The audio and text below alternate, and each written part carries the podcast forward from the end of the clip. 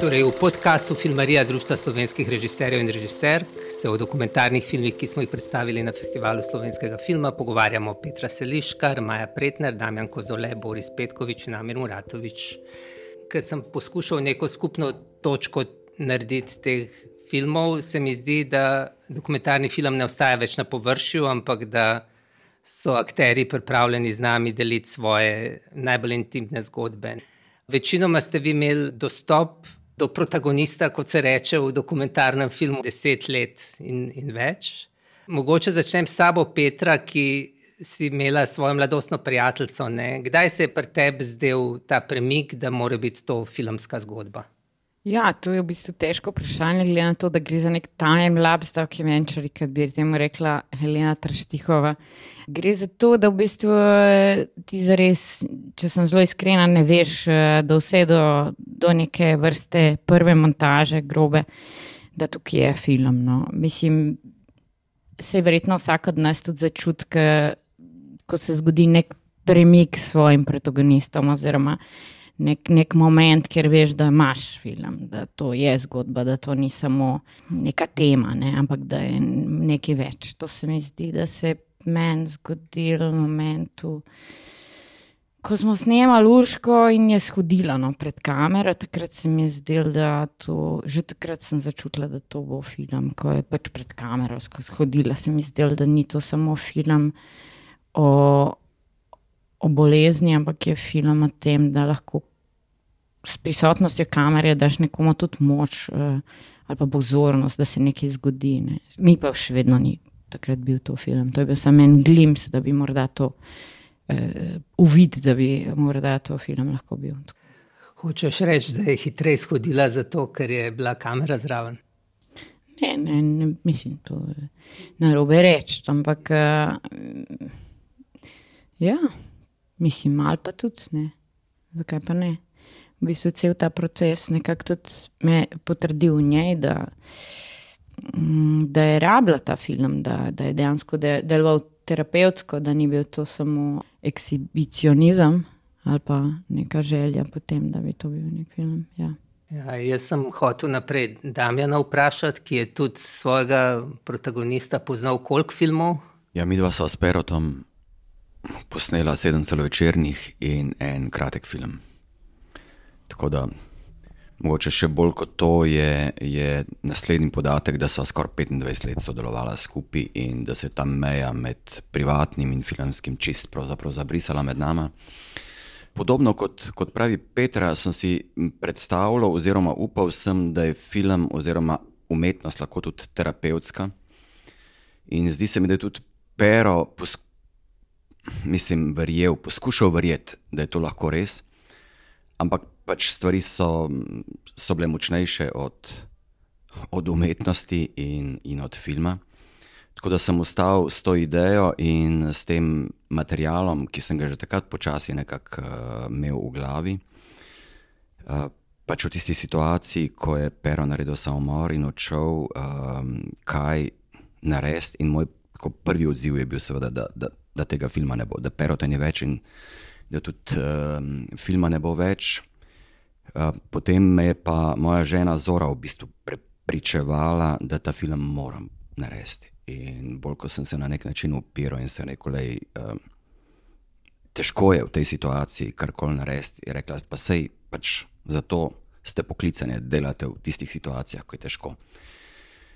In potem sem se odločil, da, oziroma vedno bolj sem pol čutil, no, da, da v resnici je to moj dolg do perota, da Gre toliko za enih stvari, spominov, uh, filmov, uh, načrtov, ki smo jih imeli, da je to lahko vseeno eno dobra, dobro izhodišče za, za film. In jasno, da se je izkazalo, da tudi, pač to lahko narediš samo en zelo oseben film, drugače drugač filma pač ne moreš posneti na nek objektiven način, ne gre. Ne. Vidva sta scenarij pripravljala že nekaj mesecev predtem ali zelo dolgo časa? Ne, uh, scenarij je nastal pravzaprav zelo hitro, ker konc leta 2019 mi je bilo jasno, da je pero v zelo slabi koži, ker so se neke stvari ponavljale in, in večkrat je klical in mi je govoril o nekih svojih stiskah. Tako da je ta ideja bila nekako konec uh, novembra 2019, sem prišel s to ponudbo enemu obupu, zdaj, zdaj se mi je pač, da je to edino, kar lahko mu pomagam. Film nas je, je povezal, film, s filmom sva živela in zdelo se mi, da je film lahko tudi neke vrste rešitev. Uh, tako da je m, ta scenarij bil napisan v enem dobrem mestu. Jaz sem Pero to življenje zelo dobro poznal in sem evociral neke situacije, Pero mi je še nekaj stvari prepovedal. In je že konec januarja smo mi predali ta scenarij na Slovenski filmski center.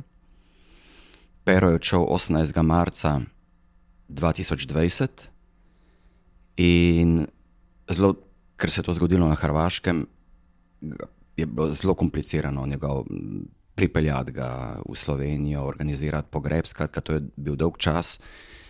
In mi smo imeli, na, takrat je bil pač to korona in stvari niso bile v živo, ampak po računalniku, smo imeli zagovor tega projekta v tem umestnem obdobju, ko perota ni bilo več, pa ga še nismo pokopali.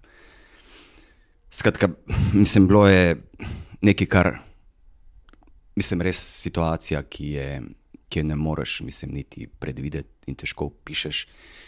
In takrat je pač komisija, ki je bila na filmskem centru, rekla, da nekako zaupa, da, da bomo šli odgovorno v ta projekt in so ga podprli, kar zelo cenim. Ne? Ker na televiziji ni bilo tako, na televiziji smo potem tudi šli na zagovor in smo zagovarjali projekt skupaj s producentom Danielom Hočevarjem.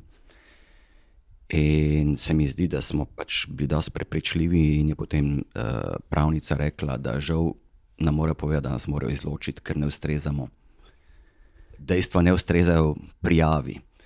Hočem reči, mislim, s takimi absurdnimi situacijami se potem soočaš pri takih nekih skrajnih situacijah, v katerih se zaveš, v bistvu, kako malo stvari je res uh, pomembnih v življenju ta intervju, ki si ga naredil s Perotom, kdaj je nastal in zakaj si ga naredil? Ta intervju je nastal 2013.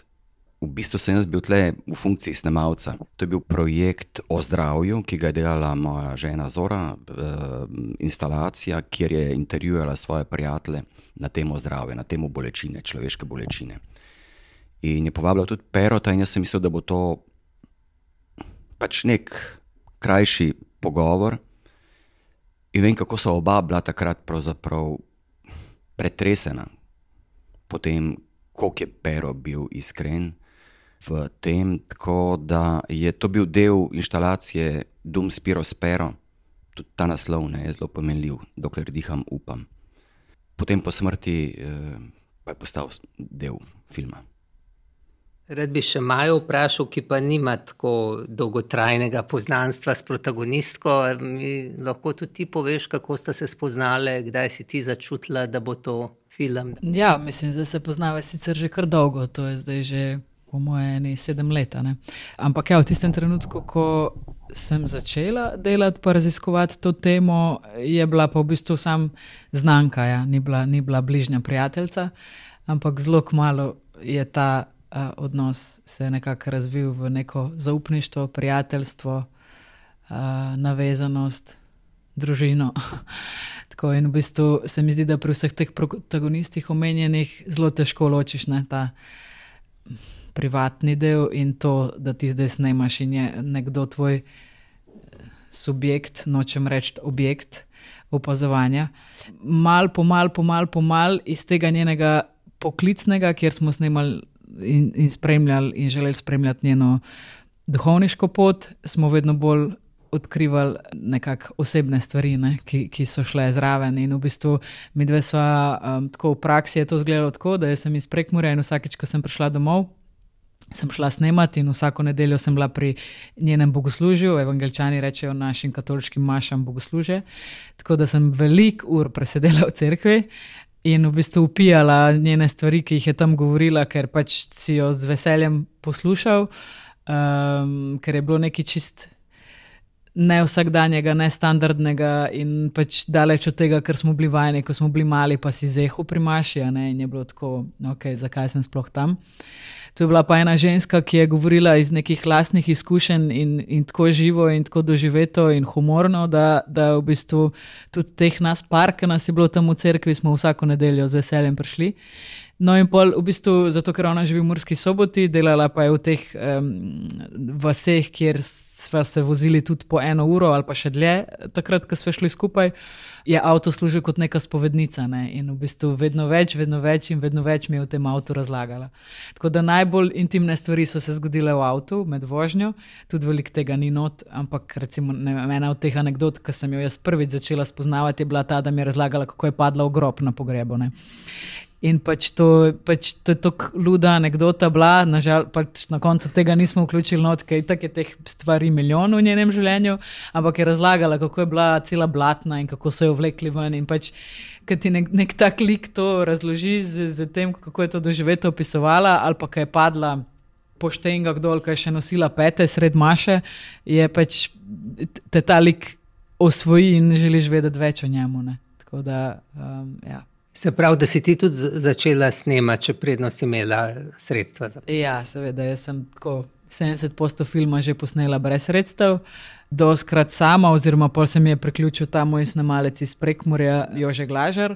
Mislim, glavni problem tega filma je bil ravno kadrovska podhranjenost, eh, tehnični problemi, eh, začetni porodni krči, ki so kar trajali in trajali in trajali, ki v bistvu ona je tako uh, zelo specifičen lik, kjer ni nekega miru, postanka, ok, da se zdaj zmeniti, kaj bomo delali. To je bilo pač lovljenje njene. Mi smo bili zmenjeni, ok, v redu, prideš danes na vrt, nekaj si rekla, da prideš na vrt, smo pa prišla tja, nje ni bilo, tako da pač polje ta vrt se lahko zgodi drug dan. In takih situacij je bilo ogromno, no, ko pač je bilo uh, dobesedno tako, da ona ni nekam prišla, ampak sem jaz mogla priti za njo ali pa sem jaz mogla iti pol na goričko, kjer je bila živela, delala, kakorkoli, da sem ujela določene stvari. Ja v njenem življenju. V kateri fazi si pa začutila to, da se bo ta njena življenjska sprememba zgodila?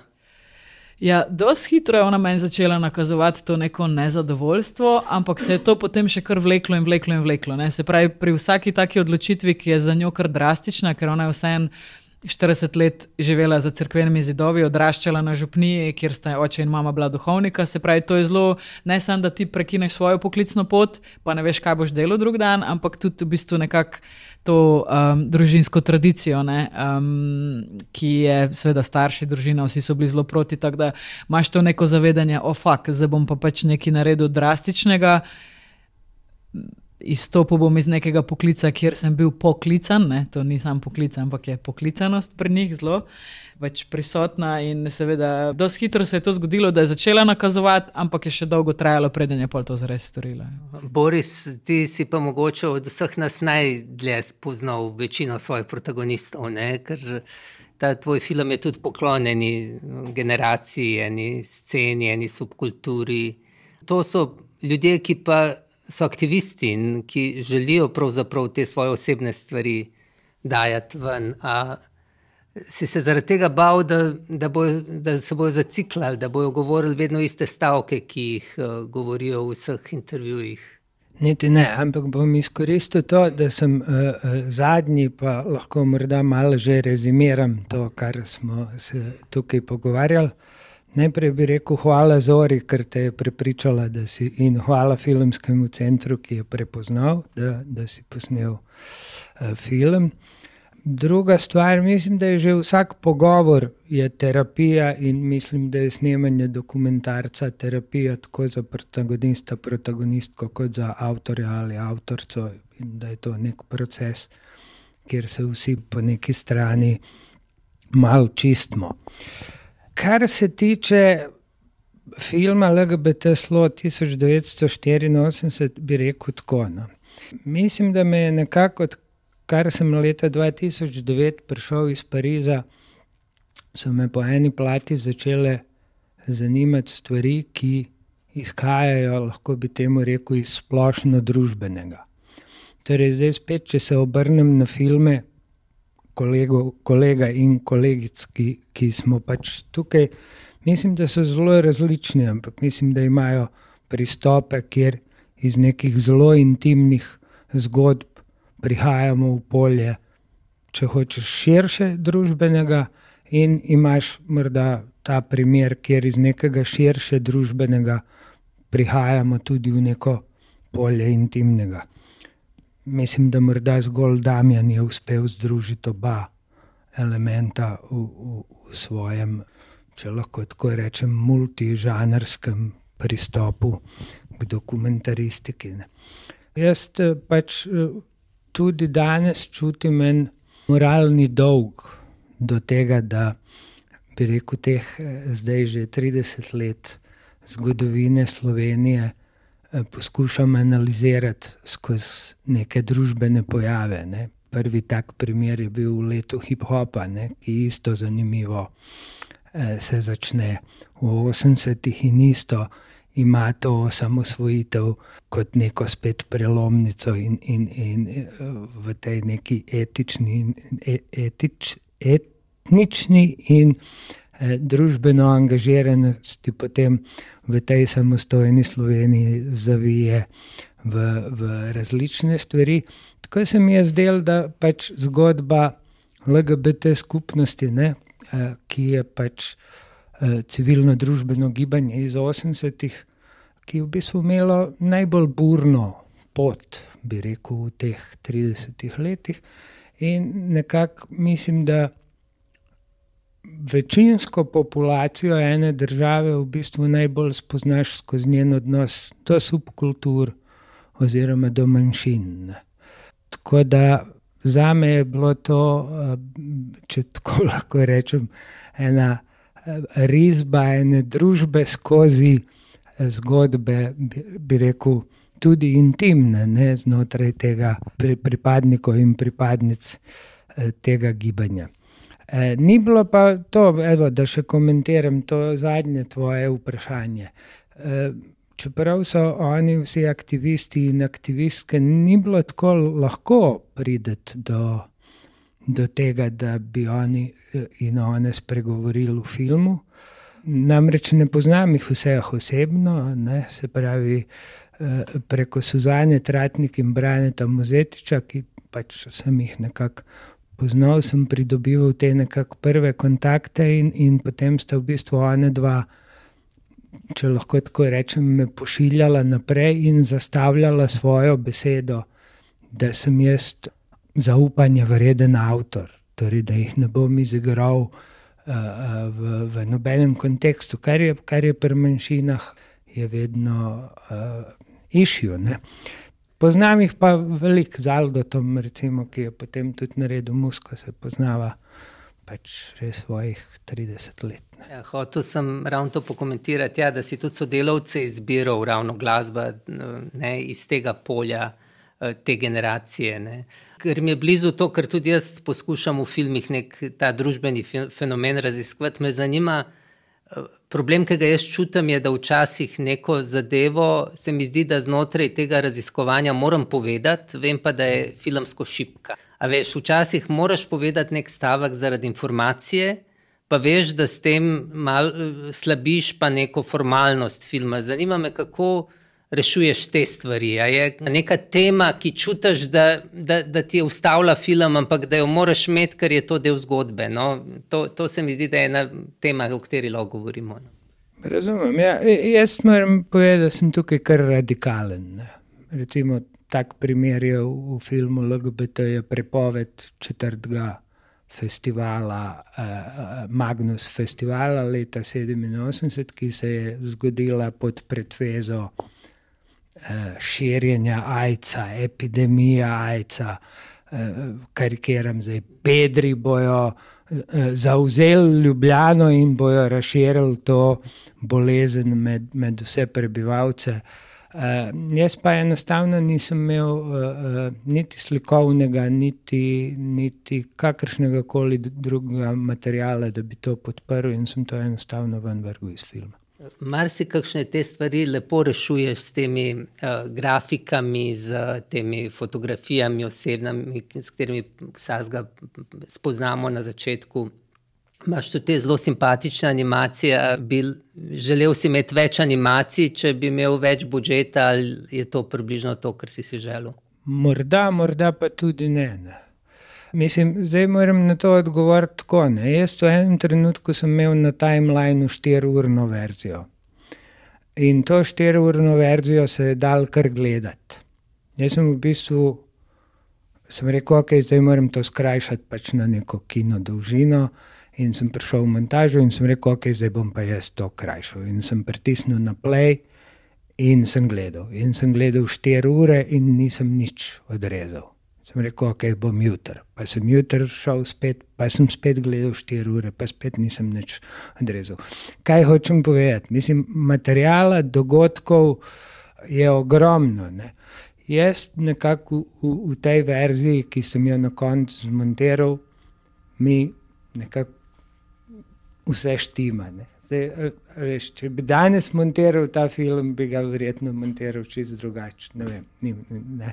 Tako da tudi to neko število animacij je bilo nekako pač določeno v tej neki dramaturški obliki, ki sem jo jaz v tistem trenutku postavil in sem rekel, ok, tukaj, tukaj, tukaj in tukaj rabim in to je to. Zdaj si ti odprl eno temo, ki mogoče vsak od vas lahko nekaj pove, in to je ta količina materijala. Ne? ne vem, kdo je imel največ materijala, Damjan, po moje, vendarle najmanj. Ne? Pa mogoče ne, ne, mi smo samo ta delavnica, prvi del filma, ki je zdaj traja 35 minut, tle bo 40 ur materijala. To je bilo eno soočenje, mislim, vsi te, tudi tisti igravci, ki so noter, so imeli svoj prostor v tej delavnici, včasih tudi po svojo uro. Tako da je v tej prvi fazi Matic Drakolič soočil s tem materialom, to je bilo tisto, kar je res bistveno, da nekako iz tega izluščimo esenco ven. Ampak meni se zdi vseeno, oprosti, se mi zdi, da bi pa mi morali tudi postaviti vprašanje, zdaj še tvoj film, da pokomentiramo. Ti samo vodiš pogovor, ampak govorimo o vseh naših filmih. Tako da mogoče bi pa vseeno odprl to vprašanje, eh, podobno vprašanje, no, kako pa je prišlo do tvojega projekta. Pri tem filmu Zadružni dom sem jaz tako se mal rečem šlepal na nek uh, projekt, ki je že obstajal, ne, na neko raziskavo, ki so, so jo delali dva arhitekta, dve umetnostni zgodovinarki, ki sem jih spremljal že, že od prve tiskovne konference, ko so dobili ta projekt, zato ker smo tudi družinsko povezani z enim od njih štirih. In, uh, pač po, po celem kupu nekih eh, naključij, ki so ustavljali ta film, od tega, da tudi mi bi morali snemati. Približno takrat, ko si ti začel snemati Perota, pa je mm, bilo vse zaprto, je bil lockdown in do tega ni prišlo, in potem sem jaz to predlagal v neki drugi obliki in v tretji obliki. In šele dve leta pozneje ne, sem lahko se sploh lotil tega filma na televiziji. In to je tak televizijski film, pač, kjer si omejen na vem, deset snemalnih dni. 15 terminov montaže. Ne? Tako da sem pač iz tega poskusil izvleči, kar sem lahko. Moja prednost je bila to, da so oni že naredili eno lepo raziskavo in jaz sem jih, sem jih lahko vzpostavil kot ljudi, ki, ki me peljejo skozi film, vsaj v nekaterih sekvencah. Moja prednost je bila, da film, ki so ga oni delali za arhitekturni bienale v Benetkah, so ga morali delati v, med epidemijo in niso imeli samo govoreče glave ne, in marsikje tudi maske. Uh, jaz sem pa želel predvsem iti skozi to dogajanje. Vsem se mi zdi, da, da je netipičen televizijski film, ker, ker je narejen brez izjav, ker gre skozi neke uh, situacije. Se mi je pa tle pri tem filmu prvi zgodil to, kar sem hotel odpreti kot naslednjo temo to, da sem začutil, da moram na ene stvari odreagirati, in sem šel sam s svojim fotoaparatom posneti. In to, to se mi zdi, da je ena tema, o kateri lahko govorimo. Da, uh, da so stvari zdaj malo bolj dostopne, niso tako rigidne, kot so bile 10-20 let nazaj. Petra ima privilegij, ki ima moža doma, ki ima svojo ljubico kamero in lahko kadarkoli, ne, praktično skoči ven. Ti si tudi takoj šel posnet pogreb, ne, se pravi, si imel dostop do neke tehnike, do kolegov, ki so ti lahko pomagali. Tudi dost hitro si odreagiral ravno na to delavnico s Tomijem Janižičem. Sicer tam je bila pa prednost epidemija, ker so ljudje bili verjetno, niso bili v gledališčih, so jih lahko zbral.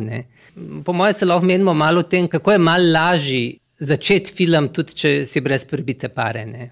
Mislim, meni se vsekakor zdi privilegij, da mislim, ta tehnika gor ali pa dol, ampak možnosti, ki jih danes imaš, so res izjemne. Mm, en tak primer, prejšnji teden, oziroma med festivalom slovenskega filma, je potem v soboto bil ta protest, pro-life, pa, pa, pa, pa kontraprotest. In uh, glede na to, da je to ena tema, ki me zanima in ki jo spremljam že od 2018, in zanimivo, da vedno, ko potem pride Janševa vlada, ta tema nekako potihne, potem se pa spet vrne nazaj. Se mi je zdelo pomembno, in glede na to, da so vsi kolegi bili v, v Portorožu, nisem najdel nikogar, ki bi še to posnet. In potem smo se s producentko Zalo Oparo odločila, da greva sama in so vzela dva fotoaparata in so to posnela. In ko sem gledal ta material, sem prav razmišljal o tem, kako mislim, eh, z snemalcem ne bi mogel nikoli tako posneti stvari. Ker so neke zadeve. Eh, pomislil sem na to, da je v nekih dokumentarnih, to se recimo vidi tudi recimo v Petrinem filmu zelo dobro. Neke stvari, pravzaprav je včasih kamera kot, eh, kot čopiča, veš, to, kar je poteza bila ne vem, 18. in 19. stoletju slikarju, ne, čopič, je kamera tako osebna stvar, da ti na neke stvari instinktivno reagiraš. In redko kdaj snemalec bi odreagiral na tak način, kot bi ti. Ne. In pomislil sem, tako sem rekel, kako je super. No? Mislim, vse ni bilo super, da sem jim mogel iz Portoroža. Večer pred premiero sem šel v Ljubljano, snemal do povdne in se popovdne vrnil nazaj na premiero Perota, oziroma na projekcijo v Portorožu. Mislim, ni bilo glih najbolj fajn, ampak v resnici mi je pa to, čeprav sem že prej snemal, ampak prav pomislil sem, ja, včasih pravzaprav moraš. No? Moraš in tudi če malo kiksneš blendo, tudi če neke stvari niso tako, kot čez bi dan, se da marsikaj tudi potem v postu pro, uh, popraviti. In na nek način ne, te naši filmi so tudi povezani pač z, z tem zavedanjem, da lahko kamero kdaj vzameš in tudi sam posnameš. Treba, Pero je pa itak, uh, pri Peru je bil pa koncept namerno, da je bil samo Saša Štih, profesionalni snemalec, ostali, ki smo tam snemali, uh, je bila še prej omenjena Zala Opara, mojca Madoni in jaz, ki nismo snemalci, ampak se mi je zdelo pomembno, pa iz enega drugega razloga, da nimam prave velike ekipe tam. Preprosto zaradi tega, da, uh, da igravci, ki so tam, da nas čutijo kot del njih in da to ni neko veliko snemanje. Snemali smo se, se vidi, notor v filmu z nekimi malimi kamerami, uh, fotoaparati. In se mi zdi, da smo dobili no, točno to, kar sem hotel. Petra, ti si hotel nekaj reči. Malce sem se hotel nave, na, navezati na to, kar si rekel. Ne, sam gre za to, da je kamera v funkciji filma. Zdaj lahko ne vem, kako krasen posnetek, ne? ampak veš, če ne začutiš, kdaj je treba biti. Mislim, gre prav za to, da moraš počakati, da kašne stvari. Mislim, da gre za to, da ti moraš tako dobro poznati to situacijo ali pa predvidevati neke stvari že tri minute naprej, naprimer ta intervju, ki ga imaš ti na balkonu s perotom. Pač to se zgodi. To pač ne moreš vedeti, kaj ti bo na to vprašanje odgovoril. Ne. Moš pa počakati ali pa biti tam, da se to zgodi. Um, gre za to, da, da ne gre za dostopnost opreme, da ne gre za najboljšo ekipo, lahko bi imel tam deset ljudi v kol, pa bi bilo vse za nič. Gre samo za to, da ti prepoznaš trenutek in da ga počakaš, dočakaš, da si pred ali pa še za tem, ko se nekaj zgodi, dovolj potrpežljiv, da mu dovoliš, da se sploh zgodi pred kamero. In to se mi zdi, da je ključno pri dokumentaristiki. Ne vem, če sem. Ne, bolj kot kamera, bolj kot eh, ampak prepoznati trenutek, razumeti materijo in zato je treba toliko časa. Ne. Zato je treba imeti ta. Pač, si, na začetku, ko sem izdelala te svoje dolge filme, ne, so, mi, so me producenti izkušeni gledali tako, da sem malo lena. Vse je v redu, so tvoje filme. Sem, kaj pa ti to mečkaš ne, s temi besedami? Gre za to, da to mečkanje. Ti predvidiš v življenju lahko vsako situacijo, kako se bo zgodila in kdaj se bo zgodila če znaš zares dobro opazovati. Um, in mislim, da se vse stvari ciklično ponavljajo. Mislim, ok, smrt ne, ampak da lahko zelo veliko stvari predvidiš in da si že pet minut pred tem na pravem mestu in jih pričakaš. Ne. In to je nekaj, kar se mi zdi pa da se ne moreš prav zares naučiti, ampak da rabaš ta čas. Zato je ta večkratni razvoj, ki jaz to držim na SFC in vse posod, da mu na morju dati večkratni razvoj, da kažna stvar mogoče ne bo film, ampak da je nujno, da kupimo s tem čas, zato da lahko opazujemo in mogoče se film že takrat zgodi. To. to, kar je načel Damjan, ta številčnost ekipe, nam pokomentira še to. Je boljš, če si sam s protagonistom, ali je boljš, da imaš deset ljudi za sabo? Ja, jaz imam obe izkušnji. Ne, v bistvu, pri telesu so se najlepše stvari zgodile, ko smo bili pač trije, sami. Ampak ne vem, na, na šarplanini pa to ne bi bilo mogoče, ne, nas je pa osem, pa, ker je 2500, ker je treba celo dve kameri vleči gor, ker pač je dostop takšen, kakršen je, pa so se tudi ful intimne stvari zgodile. Gre za način, gre za, mislim, gre za zaupanje, zaupanje protagonistov in tudi uh, zaupanje ekipe in pač. Sprejemanje situacije, ne? tako da jaz ne bi rekel, da je nekaj boljše ali slabše. Neke stvari so pač ne mogoče drugače. Sama tam gor ne bi mogla nič. Ampak res nič. Izvoli, Boris. To, da, da je tehnika postala ta dostopna in tako naprej. Jaz sem tudi že prej, ne, se pravi, v bistvu leta 2003 sem posnel prvi dokumentarc sam v celoti s kamero in potem tudi še enega ali dva sam v vsakem pa delno eh, posnamem tudi nekaj sam. In všeč mi je to, kar je Damjan povedal o, o Čopiču. Jaz eh, sicer eh, eh, kot svojo metaforo uporabljam, da je to pisalo, ne? ampak mislim, da tudi. Veš, da, da je pač v, v dokumentaristiki pristop avtorja toliko subjektiven, da Mislim, da si lepo ti tam in to v, v nekih stvarih izpelo. Da reakcija, ki jo narediš, je avtorska reakcija in je pač tvoja, in je verjetno daleč od tega, da bo tehnično perfektna. Ni važna takrat ne blenda, ne ostrina, ne nič. Ne. E, je pač tvoja reakcija in mislim, da odraža vedno potem tudi to tvoje nekakšno stališče do teme, do, do, do protagonistka, protagonistke, eh, eh, kakorkoli. Jaz eh, eh, namreč že to poskušam vedno s nemalcem, pa se, pa se veliko njih otepa tega zelo. Eh, uporabljajte zoom, ostrite, iščite. Ne? Sej to je pot. Veš, če ti imaš nek prizor, pa pozumaš na nekaj, pa je to neostro, pa ti to izostriš. Sej to je dokumentarni moment, v katerem ti nakazuješ, da je situacija, mene je zanimalo tole, pa sem to še mal približal. Namreč, to so vse, vse legitimna orodja, ki jih je v bistvu Cinema Verite razvijal. Ne?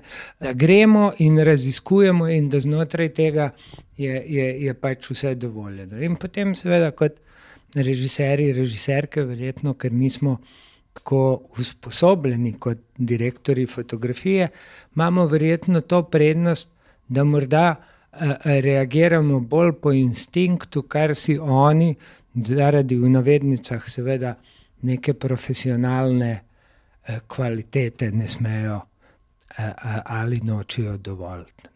Tako da mislim, da je dostopnost tehnike in to, da jo režiserji, režiserke, da vzamemo kamero v svoje roke, eh, mislim, da je to čisto legitimen del dokumentarnega procesa. Jaz smo isto, pač v filmu Duhovnica se kar nekaj prizorov pojavi, kaj tako. Ja, ok, v redu, bom pogotel na talec smog, ker sem recimo jaz kaj zeznila, ker sem jaz bila tam na licu mesta in se je v bistvu stvar začela dogajati in enostavno nisi mogel drugače reagirati, kamera že teče, ona tam že govori, v redu. Kaj češ pač ne? In, in, in ti je tako dragocen ta nek moment, da enostavno pač pelje zgodbo naprej in ga želiš vključiti, in pa si misliš, da je vse bojo zamižali na eno oko pač v tisti sceni. Jaz mislim, da tudi tisti, ki pač na koncu filma reče, joj, pa ni bilo tako perfekten posnet, pa to pa tisti se mi zdi, da poločitno ni začutil tok zgodbe, ali kaj, če, če, če so to stvari, ki te zmotijo pri dokumentarcu, oziroma nisi dojel.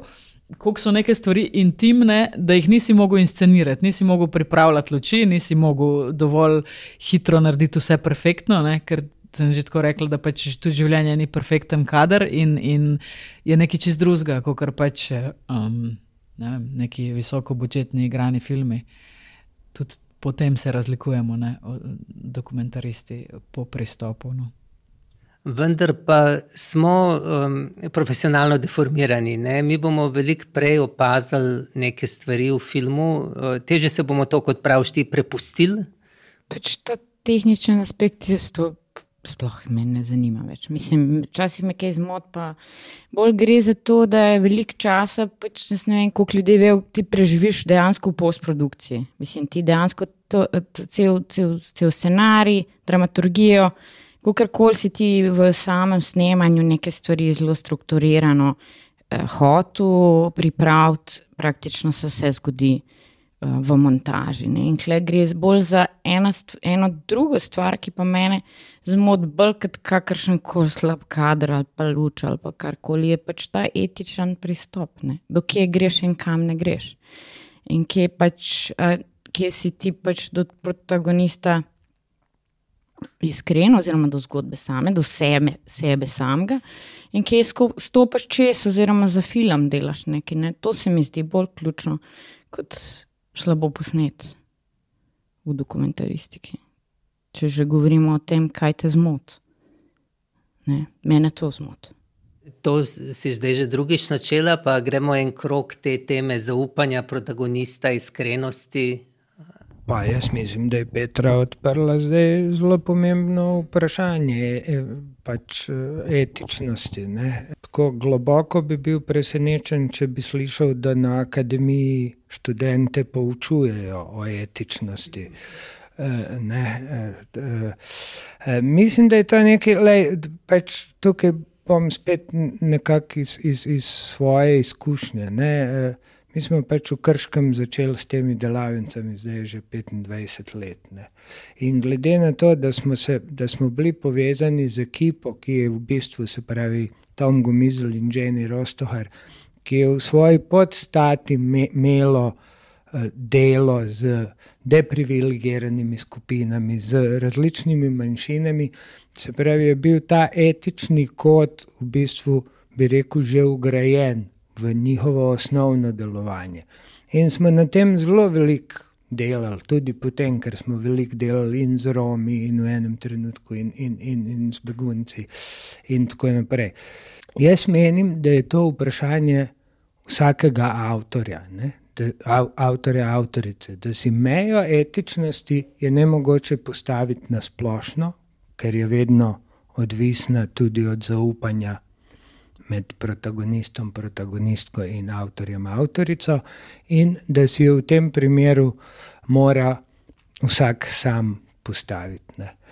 Mi nismo rumeni tisk, jaz to rad povem z novimi ljudmi, se pravi z novimi protagonisti, ki me ne poznajo, in poskušam skozi trivijalno zgodbo povedati, da jaz vas bom opazoval. Vsak človek si v enem trenutku in povrta po nosu, in popraska po riti. Ampak in jaz bom to posnel, niso pa to momenti, ki mene pri vas zanimajo.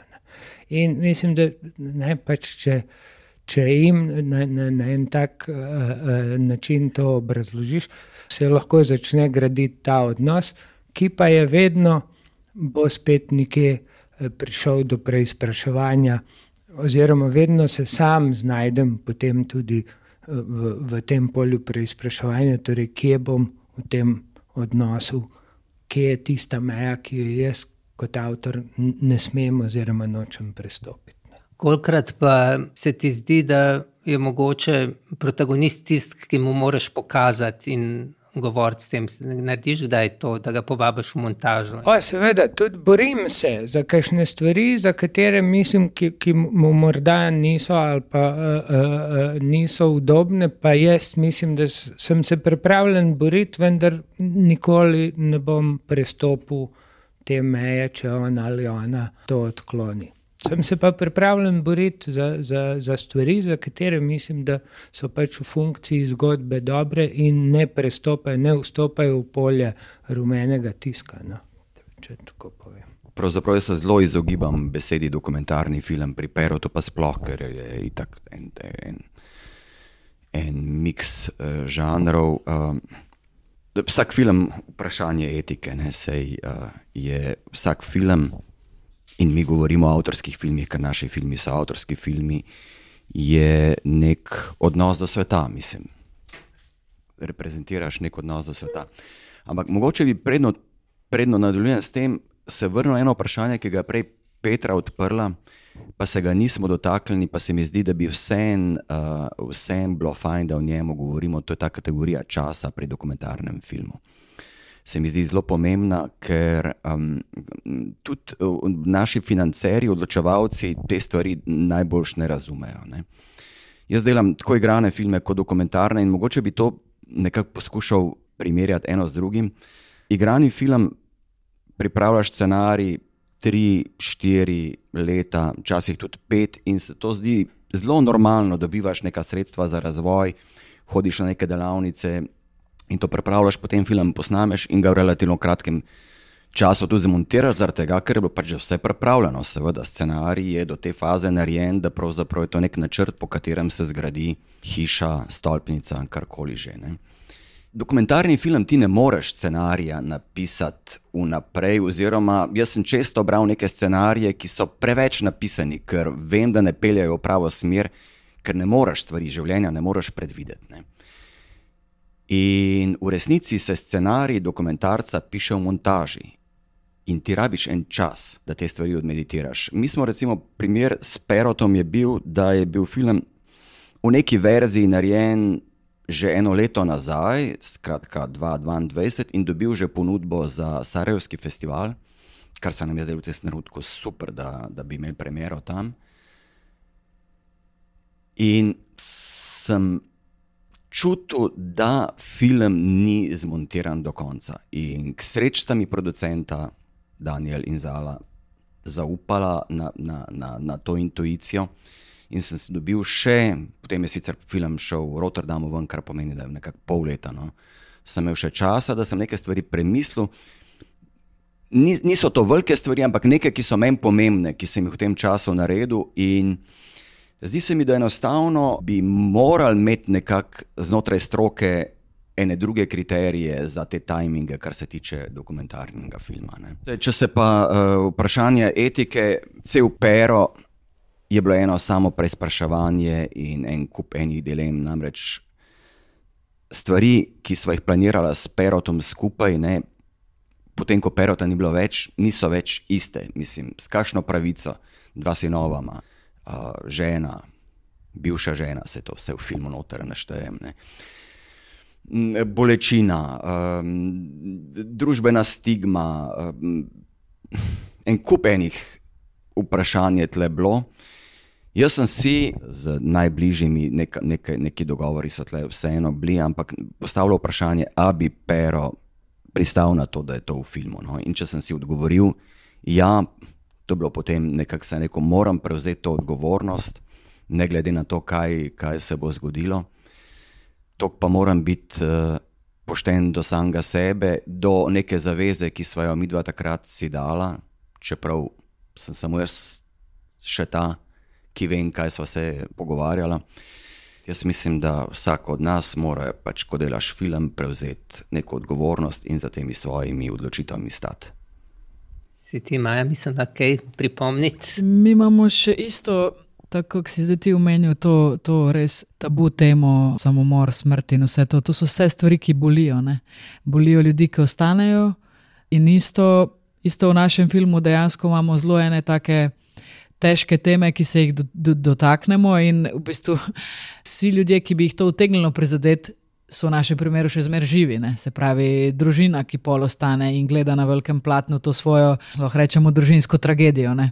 Na, na nek način. Zelo hodiš po tankem ledu tega. Ker v bistvu moja protagonistka konkretno se je sčasoma zelo, zelo odprla. In marsikaj smo mi spustili, ker sem jaz rekla, za dobro tebe bom to izpustila, da ne dam v film. Ne. Naprimer, to je bilo enih detajlov tega, kaj vse se je še njej zgodilo v življenju. Vem, od tega, da je imela afero s katoliškim duhovnikom, o kateri govori, do tega, da jo je on pol pretepil. Mislim, to je toliko enih bolečih stvari v njenem življenju, da, da, da človek, ki bi to gledal, ne bi zmogel tega, ne bi verjel, da je to sploh možno, da se to nekomu zgodi, in na koncu, koncev, kot smo prej slišali, bi lahko to postal na koncu, vem, rumeni tisk. Ne. Se pravi, tega pa nočem, tega jaz nočem, niti mi to ni blizu. In uh, sem dala stvari not, ki so mene zarezale, pri katerih sem se jaz mogoče tudi zjokala v montaži, vedno znova, ki sem jih videla, uh, ampak hkrati pa sem držala to distanco do tega, ok, v redu, to pa je preveč, tam pa več ne bom šla. Ne? In pač te najbolj kritične stvari sem potem tudi naši Jani pokazala, v bistvu soočila jo s tem, a ti je to ok, da je not. Mm, pa je sama rekla, ja, gled, ko je bilo tako pač stojim za tem, tudi svoje starše je pripravila na to, da bo govorila vem, o alkoholizmu, o nasilju, ki se je dogajalo, kot ko je bila otrok. In to sem se že zdaj večkrat pogovarjala tudi po filmu. Najbolj sem pričakovala ta odziv njih, družine, kako bo. In jaz sem, jaz sem na tisto pred premjero, kjer so oni vsi prišli, jaz sem, jaz sem, pač, jaz sem sam hotel, da, da je ta film konc in da naj pač na koncu filma pridejo do mene in rečejo, da je vse ok. In če oni ne bi rekli, da je vse ok, jaz ne vem, jaz bi po moje kar rekla, da, se, da nočem več, da se ta film predvaja. Mislim, meni, sem čutila tako veliko odgovornost do tega, da so oni v redu in da ne bojo prizadeti, da pač sem res rabila to potrditev z njihove strani, vse je ok, tako je bilo. In pač, ko so, ko so, ko so prišli do mene, me objeli in s tistimi sozami očmi, z neko žalostjo in srečo, ki se je mešala tam, je bilo na koncu ok. In sem jim rekla, ok, v redu, pol pa pač sem očitno šla nekako do tam, mislim, nisem očitno prestopila te meje, no, tega, da, da se kdo ne bi počutil v redu. Omenila si nekaj, kar se je meni že veliko krat zgodilo, da je filmska zgodba tako neverjetna, da, da je ljudje ne verjamejo. Ne? V resnici si ne moramo izmisliti tako dobre fikcije, kot nam jo daje življenje. Ne? Ja, dejansko sem imela tudi zelo podobno moralno-etično dilemo, ne? s tem, da pač jaz nisem, jaz sem na koncu zrezala vse krenjene familije ven zaradi tega, ker pač so prekinili stike in, uh, in to je film o njej, ne o njeni Peaky Blinders familiji, ki se je res izživljala na njo. In je bila to zavedna odločitev, da pač njih ni v tem filmu in da to ne bo so, film Souls in vse potencijalne situacije, kjer bi se človek res joko, ne, sem vse zrezala ven in potem sem videla, kaj je ostalo od telesa. In mi je bilo to ključno, ker mislim, ta, ta film bi bil lahko, pa jaz mislim, da je od 90 minut 50 samo jokanja. Uh, ampak pač tega ni, ne? mislim. In sem prav zavedno v montaži, sicer smo dolgo časa rabili, da smo prišli do tega, res zrezali vse potencijalne momente, kjer se je tudi meni so se vzeli in jo postavlja kot monument of survival, ne pa pač eh, vse njene breaking pointe. Ne. Čutiš pa jih, ne moreš reči, da jih ne čutiš, kaj gledaš film. Ne. Seveda, mislim, pri takih temah kot je samomor, bolečine ostanejo, ne. te stvari je težko razumeti. In pravzaprav film je, je umetnost, ki nam. Omogoča, da nekaj stvari vsaj poskušamo razumeti, je pa za tiste najbližje, seveda, zelo težko. Ne? neko soočanje s tem in občutek, da bodo zdaj vsi neki vedeli, čeprav itak vsi vejo. Ne? Tako pač je, da vsi vejo, ampak imaš občutek, da se bo zdaj te stvari kar naenkrat nekam potencirale. Um, so zelo delikatne v odnosu do, do najbližjih. Uh, jaz sem podobno kot Petra tudi se potem odločil, da, da vsaj, uh, vsaj otroke zaščitim in jih uh, ne upletem noter v film zdelo se mi, da je to film pravzaprav pero to in omen in o tem nekem odnosu tukaj. Nekdo, nekdo je tle rekel, tane klet, ja, zelo tane klet. No. In zdi se mi, da se pravim, no, odgovornost moraš prevzeti za neke stvari, dobro premisliti in potem reči, pač, verjamem, da je to pravilna etična odločitev. Ti govoriš o svojih solzah, ampak solze protagonista, meni se je vedno to zdelo zelo poceni. Mm, Ne bi rekla, da je poceni. Če se zbilda dovolj do tega, da je upravičeno, da tudi ti začutiš tist, ki pri nas se recimo zgodijo solze, ampak se zgodijo tok že na, na, na tri četrt filma, ki ti njo začutiš, veš, da to ni niti zaigrano, ampak je bil pač nek pristni moment, uh, ne tega, da zdaj nekdo, da ga ti postaviš pred kamero in ono izjokava iz svoje življenje, to je pač ja, ampak ja, mislim, e, e, solze so emocija, ne, tako kot kjerkoli druga emocija, pač če jo prikažeš na filmu. Ne. Ne, pri tebi je bila dost uh, diskretna, tako da jo nisem čutil kot tako, ampak včasih posebej mediji zelo uh, radi zlorabljajo. Jaz mislim, da ni, eh, ni pravila. Ne? Mislim, eh, etično sporen je lahko tako smeh, kot solze, kot vsaka druga reakcija, ki jo izrabiš za to, da protagonista, protagonistko spraviš v nelagoden položaj, oziroma v nek položaj, ki ni na mestu, no? če lahko tako povem. Tako da ne bi, mislim, mi imamo pač to morda izhaja iz tega Hollywooda, ki zna res poceni prodajati te solze. Ampak solze so lahko čisto legitimno sredstvo. Tako kot sem rekel, kot je lahko smeh ali kjerkoli druga reakcija pač izrabljena v etičnem smislu. Meni se celo zdi, da tukaj pa, pa res potem vidiš zaupanje protagonista oziroma cele situacije. Do ekipe, če se nekdo zjoka ali pa če zaspi v sred kadra, meni se to ene parkrat zgodilo, da mi spijo. Ker se mi zdi krasno. Meni je drugače ton spal, en ton je bil, ki je skozi spal. Sam ne na tem filmu. Da ti zaspi v kadru tvoj protagonist, pa a ni ne- to nekaj najlepšega. Mislim, to se mi zdi pa totalno zaupanje. Ne? Da veš, da pač se počuti tako varno, da lahko tudi zaspi. Mislim, a ni to super. No, ampak ravno to sem hotel vprašati. eh, Seveda se ti ljudje zavedajo kamere in jih moti ta kamera, ampak ali vi verjamete, da vseeno v nekem trenutku pa malo pozabijo na to in se izolirajo od ekipe? Jaz sem sigurna, da pozabijo. Mislim, oni se tako navadijo, da je enostavno sprejemljivo. Ne, da je pa res, da zdaj pa tukaj spet ta moj etični. Eh, l- ta- Tenek let, da, da, da pa sem opazila tudi na ITVI, Winning Film enega leta, da, da je prisotnost kamere pripeljala stvari nekam, ki se ne bi zgodile nikoli, če kamere ne bi bilo. In da potem to izkoristiš. Veš, to, to zdaj karikiram, zdaj, ampak naprimer vržeš pred kamero riš in veš, da se bosta dva stepla, lačna človeka pred kamero. Zdaj, veš, takšne stvari. To pa meni tako prav, to pa sovražam, ne? ker ti veš, kaj lahko narediš s tem. Ti točno veš, kako lahko manipuliraš. In tega je veliko, tudi v dokumentaristiki. In tle se mi zdi, zato se mi zdi ključno, da se govori o etiki, pa da se govori o tem, kaj je in kaj ne, kaj smeš kot človek. Ker vseeno si ti avtor pač odgovoren. Ne? Morda festival ni, ker jim je vseeno, ker bojo predvajali karkoli, čim bolj ono, krvavo, mesnato in še bolj. Ono, let's go to the, to the edge, ampak uh, ti pa si. In mislim, če ti dobro spiš, pol ok, ampak pač meni se zdi, da, da lahko veliko stvari tudi zmanipuliraš in se mi ne zdi ok. No. Zgolj en stavek. Jaz mislim, da moraš biti odgovoren izključno do protagonista oziroma do protagonistke. To je tvoja odgovornost. Vse drugo, do gledalca, ti spride kasneje. Jaz bi se mogoče navezal na to, no, kar pravi Petra v povezavi z enim mojim drugim filmom, to, uh, to so Meje, to je kratek dokumentarni film, narejen v enem kadru. Ki si ga zdaj ponovil, preperotu. Ja, ko se je zgodil ta eksodus, prvi dan, sem šel z snemalcem Matjažem Mrakom, sva šla na mejo dol, oziroma sva bila v tem uh, No Man's Land med Slovenijo in Hrvaško. In seveda te, te pretresajo, mislim, pretresajo te, te obrazi, pretresajo te predvsem otroci, pretresajo te predvsem žene in tako kamera kar sama drsi.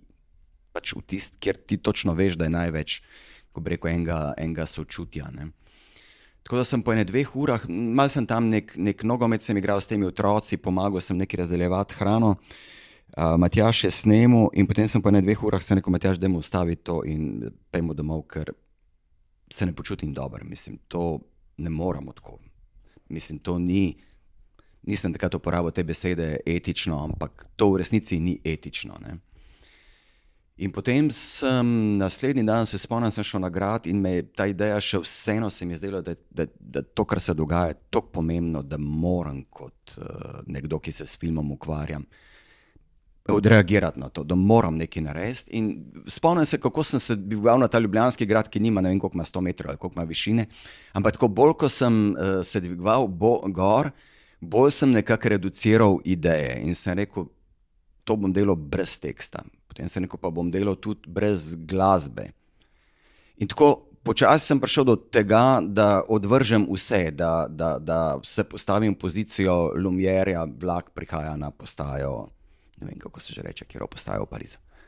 Ja, in, in sem poklical Matjaža še enkrat, se rekel, greva jutri še enkrat dol. In potem se je ta film v bistvu zgodil, tam sva, mislim, da so čakala 6 ali 7 ur. In potem se je kar naenkrat to zgodilo. No, točno tako, kot sem si zamislil, se je, se je, uh, se je zgodilo. Um, ho, hočem reči, ja, mislim, Neke stvari treba dobro premisliti, kako se jih lotiš. Vemo, vemo, mislim, ta svet je poln krivic. Uh, če pogledamo Ukrajino, če pogledamo Gazo, kaj se sam danes dogaja, je nepredstavljivo za nas, ki živimo v neki, neki varni družbi. Ne. Filmska etika je, ko bi rekel, malo na drugi frekvenci, kot bi rekel, neka čista življenjska etika. Ni, ni nujno, da se zagovarjamo, verjetno vsi neke plemenite vrednote. Ampak uh, film ima vse ne, ne, neke svoje frekvence, na katerih, uh, po moje, kot avtori, moramo nekako razmišljati, uh, ohranjati, rekel, nek, nek nivo, da ne zdrsnemo v neke poceni emocije, sem hotel, da en drug izraz najdete. Ampak. In da pač zagovarjamo tisto, kar je najbolj pomembno, človeka, neke vrednote, v katere verjamemo. Moramo se zavedati, da pač še vedno je umetnost taki neke stvari nekako spremenja. Še vedno je to nekaj, kar bo ostalo ne, za nami. Morda bo zdaj videl te naše filme tisoč ljudi ali pa ne vem, dva tisoč, pet tisoč, whatever. Ampak to je nekaj, kar bo dejansko ostalo in bo en spomenik tega časa. Mogoče slaba kopija, ampak uh, mislim, tako malo krušen, pa brez nosa, pa brez ene roke, ampak bo. Ne? In to je v bistvu to, kar mi počnemo. Ne? To se vsake tok časa moramo zavedati, da bo to ostalo za nami. Da to ni časopis, samo informacija o dogodkih, ki so se dogajali, ampak da je to dejansko nekaj, kar bo edini. Način, da bo neke generacije za, za nami vedeli, s čim smo se ukvarjali, pa na kakšen način. To se mi zdi, da je ključno. Ja, in zato te vprašam najprej tebe, Petra, a ti iščeš zgodbe ali zgodbe poiščejo tebe? Jaz mislim, da je oboje, eh, oboje enako, ampak je, gre bolj za to, da ti veš čas, mislim, jaz sem vsaj ta, no, ki imam 500 idej, poskusim nekaj, pa veš čas, nek, mislim, jaz če bi lahko vsak dan snimala, jaz bi skozi, sploh ni problem to. Uh, gre za, za to, da ti to nekaj, kar te povleče, pa ni važno, da je to neki šarplaninci tam na 2500 ali neka bolana frendica ali ne vem kaj. Ampak da ne moreš spati, ne, da je to nuja, da, da dejansko ne moreš, da moraš ta film narediti. Pa ne zato, ker pač. Uh, si denar uh, uspel zbrati, ali pa zato, ker ga moraš, ker čutiš, ni nujno, če se vsak film naredi. Se mi zdi, da jih je itak preveč, pa da je ful slabih in da je itak tudi, mogoče kakšen manj bi bil čisto redo. Ampak če pač ne moreš drugačne. Se mi zdi, da je to tako, da v bistvu ne, ne vem, ali one mene ali jaz njih, mislim, bolj gre za, za nujo, da pač ne morem, da jih ne. ne. Veš, da, da 20 let traja, ampak 20 let, pa 20 let, pa bo telo prišlo ven. Mislim, ni važno. Zdaj sem v bistvu prebral, da kolegi v Beogradu pripravljajo festival neposnetih filmov. Je spet neka dobra ideja, ki se mi zdi, da je sigurno vzrok, da, da so različni vzroki od zadaj, tudi zakaj morda so kakšni filmi bili neposneti. Morda bi zgolj to ponovil, kar je rekla Petra, je neka to, čemu patetično rečemo, ustvarjalna nuja. In takrat ni važno, kdo je koga našel, pa zakaj je kdo tam, ampak je pač. Neke stvari so, neke teme so lahko kjerkoli v, v stanovanju noter. Jaz sem tudi doma snemal filme. Zdi se mi, da v enem trenutku, da, da neka tema, nekaj, kar se ti dogaja, ko to preraste v to, da se ti zdi, da so vsi tvoji senzori se izostrili na to temo in da samo še, kot recimo eh, nosečnice potem opažajo sam noseče. No? Tako se mi zdi s to našo filmarsko temo. Ko te naenkrat vse na to temo začne zanimati, takrat pri sebi rečem, benti, mislim, to je šlo do konca. Ne? Je pa tako, no, da zdaj ravno, če se vrnem na to tehniko in na to, da jaz zadnje čase imam eno ekipo najožjih sodelavcev, ki, eh, ki so pripravljeni z mano kar nekaj začeti in včasih kar nekaj stvari potem tu pustim. V resnici se vprašam, to, kar je Petar prej načela, preveč je vsega na tem svetu in si rečem, a je res potreben ta film, še ta moj film in včasih si rečem ne in kakšen projekt tudi ostavim ker tudi ti senzori najbrž niso dovolj močno delovali in ker nekako nisem videl pravega razloga. Uh, so pa ene stvari, ki so res močnejše in pokasi noter, verjetno. Mislim, to je tisto, ko greš zvečer spat in zapreš oči, ampak še zmeri premišljuješ in premišljuješ in se ne moreš izklopiti in zaspiš za dve ure, pa se zbudiš spet in spet iste stvari premišljuješ. Takrat se običajno nekako rojevajo pravi filmi. Ja, jaz bi tu mogoče dodala še eno žalostno resnico, ki smo prej že malo načeli. V bistvu tema te najde, oziroma ja, obstane, tako, postane neka obsesija. Um, takrat, ko se zavedaš, da snemaš to brez denarja in še zmeraj snemaš. Ne? In v bistvu si rečeš, kot sem si jaz rekla, gledaj, če zdaj ne bom posnela, mi bo to šlo mimo, pač bo ona šla ven in konc in kaj bom jaz čakala na denar, ker pač ne bo več teme. Mislim, in delaš in delaš in delaš in tudi vem, da skozi so mi domači tako govorili, ko sem prišla domov. Uh, Pa kaj ti to tako snemaš? Pa zdaj si že toliko časa snemala, pa daj, kdaj boš to zaključila? Pač, zaključila bom takrat, ko bom začutila, da, da, da, da je ona neko piko naredila na neko obdobje. Ne? Tako da v bistvu mi smo imeli tudi tako malo. Dosta težko pot s tem filmom, kjer smo vem, trikrat šli na razpise, pa nikoli noben ni prepoznal nekakšnega potencijala tega filma, in mi smo snemali naprej. Ne. In, uh, in v bistvu zdaj na koncu, polk je film narejen, te vsi nekako trepljajo po rami, oh, kul, cool, ja, v redu, oh, dobro ste naredili. Ne. Ampak pač noben ne ve, koliko je bilo enega. Entuzijastičnega truda za tem predhodno, in koliko je bila ta pot dolga. No. Uh, Včasih si celo rečem, da, da koliko filmov si sploh zmožen na ta način sproducirati, ker določeno življenjsko obdobje ti to dopušča. Naprimer, zdaj, ko imam družino, se tega ne bi lotila. Se pravi, momentum je bil pravi, da sem to zmogla, furala naprej in v bistvu ne vem, um, naslednji projekt. Bi rada delala z entuzijazmom, ampak eh, tako, da, da tudi živiš zraven, ne, ob tem, da, da delaš in spuraš nek dokumentarec, neko temo, ki te zanima.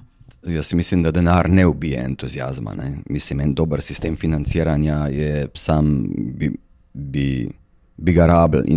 Pravzaprav vse, no, vse se počasi oblikuje ta sistem financiranja. Govorim zdaj o dokumentaristiki. Ne. Pri igranih filmih so stvari kar se mi zdi, v zadnje čase v redu porihtane. Jaz mislim, da pač eh, en dober sistem prepoznavanja projektov, kot pravi Štila, tvoj film je zdaj izjemno uspešen, pa trikrat zavrnen. Ne. Pri Perotu pravzaprav tudi ne vem, če se ne bi zgodila vmes ta tragedija, ki je tako zasekala noter, da so, smo bili vsi šokirani. Tudi vprašanje, kaj bi se zgodilo, če bi šli na razpis. Ne.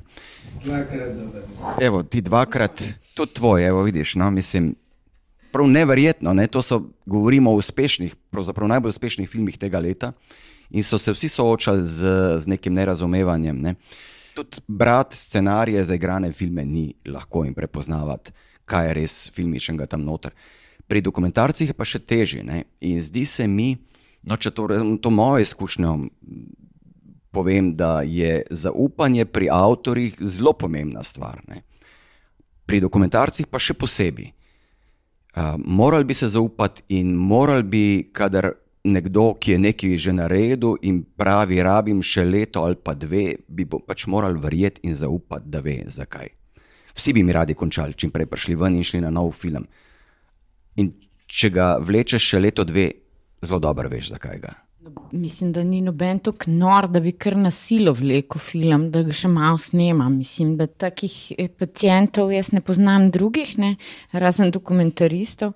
Uh, ampak hočem samo povedati to, da, da ta večkratni razvoj ne, in da ni treba čisto vse tako iti v realizacijo, ampak s tem večkratnim razvojem te po bistvu mogoče ta leta umesane. In da, in, in da so šele zdaj to prepoznali na SFC-ju kot nek način, da imaš pač možnost scenarija, pa potem en razvoj, pa še en razvoj. To ti kupi že full enega časa, ne? ker ti dejansko lahko probavaš in testiraš, da to je dovolj za nekaj, kar boš potem šel v realizacijo. Mislim, jaz sem vse svoje filme, pa jih je pet naredila koprodukcije. Pač in vedno sem dobila, mislim, da z izjemo enega ali dveh, denar najprej v tujini, pa potem v Sloveniji. Ne glede na to, da jaz to delam zdaj že 19 let. Ne. Se pravi, ni, ne gre za to, da ne prepoznajo, gre samo za to, da ne razumejo, kaj pomeni to kreativen dokumentaren film. In da večina pač komisij, ki smo jih imeli do zdaj, dejansko ni razumela. Oni pač niso razumeli, da ti ne moreš scenarija napisati od začetka do konca, ampak da ti pač daš neke segmente, glimse, česar kar, kar, bi, kar ti sanjaš, da bi se morda zgodil, in neke dokaze za to, da to res obstaja. Da pa je možnost, da ti izstop glavni karakter ali pa da se ti cela situacija podre vsak dan, absolutno prisotna. Edino, kar imaš, je to, da verjameš, da to enkrat bo film. Gre za nepoznavanje, ne gre za nič drugega. In da pač v tem malem, malem našem okolju nas je tako malo, da bi v bistvu pa morali skozi en drugim v teh komisijah uh, stati, ne? ker nas ni veli, dovolj, ki, ki dejansko poznajo tudi produkcijsko, kako dokumentaren film se financira in koliko časa rabi. In tudi uh, v smislu tega kreativnega, da je to totalen gamble da ti v bistvu ne moreš nekih stvari sploh predvideti, ali to na koncu se bo išlo ali pa ne. Rad bi povedal, pa malo bo anekdotično, ne? da se tudi na, na, na tem področju stvari spremenjajo. Namreč leta 2009, ko sem prišel iz Pariza, mislim, da tako je ali še isto leto ali naslednje leto, sem upadel v to neko komisijo. Takrat znotraj Ministrstva za kulturo, kjer so bili njihovi pravniki, cel kup producentov, nekaj nas, avtorjev, kjer smo se pogovarjali o pravilnikih.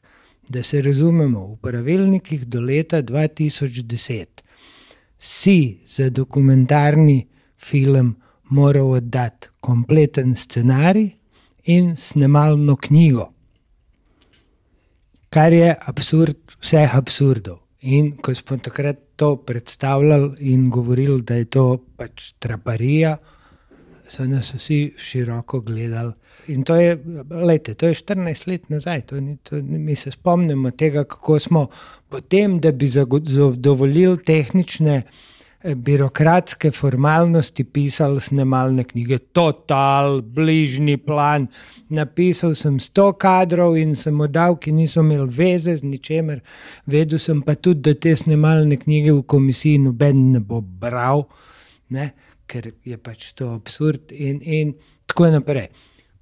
Da zaključim, stvari se spreminjajo, z vsakim letom dosegamo nekaj, spremenja se. Upamo, da bo ta čas, ki ga potrebuje v bistvu dokumentarni film, da je le drugačen od časa uh, igranega filma, oziroma da ima svojo specifiko. No? Ker eh, smo se vmes dotaknili tudi postprodukcije. Ne? Naj še kot francoski študent povem to, da pač v trenutku, ko se je razvijal cinema verite, je veliko montažerjev bilo kreditiranih kot korežiserjev. Je njihov doprinos v fazi produkcije filma bil isto močen kot režiserjev, ne? so bili tretirani kot drugi avtor. Ravno letos se mi zdi, da so montažeri spet dali to pobudo in pod parih filmi sem že videl, da so kot so scenaristi, da so se recimo podpisali. Ne? Petra, mislil sem pa še, če imamo še to kondicijo, da vseeno menimo še to izkušnjo dokumentarnice, ki se mi zdi pa, da rojeva ene, vsako leto ene lepe projekte in da je ena pot tudi k razvoju tega dokumentarnega filma. Ta dokumentarnica, zdaj bo že tretja edicija, v toku enega leta v štirih oziroma petih modulih razvijamo teme, večinoma so v dost zgodnem razvoju. Jaz upam, da bo to v naslednjih letih pripomogli k temu, da, da imamo res slovenski dokumentaren film malo bolj razvitno, ker je še vedno čast izjemom, bolj še vedno reportažen. V veliki večini. No? In da se, to, da, da se to zdaj spremenja. Ljudje so zainteresirani in vidim, da se tem lotevajo malo bolj konkretno, ne samo na ta način, kot bi se jo sicer, zato ker imajo možnost, da skupaj z Rokom Bičkom in z, in z Matjažem, Matjažem Ivanišinom malo prežongliramo, kaj zaprav, pravzaprav bi radi in kako bi se teh filmov lotili. No. Mislim, da, da je prvič se vzpostavil en tak v dokumentarnem, slovenskem dokumentarnem svetu en tak zares bond, uh, kjer se ljudje počutijo varno in lahko odre, od, odvržejo svoje skrbi in tudi uh, dileme ne, in delijo s svojimi kolegi na najbolj. Mislim, ti si tudi bil del letos, tako da lahko tudi ti poveš, kako je, ampak se mi zdi zelo lepo. No. Prostor za igro, no. za, za, za testiranje svojih idej. Tudi, ja. Hvala vsem štirim. Mislim, da smo zelo lepe teme odprli, zelo pomembne za dokumentarni film. Petra, Boris, Damjan in Maja. Adijo.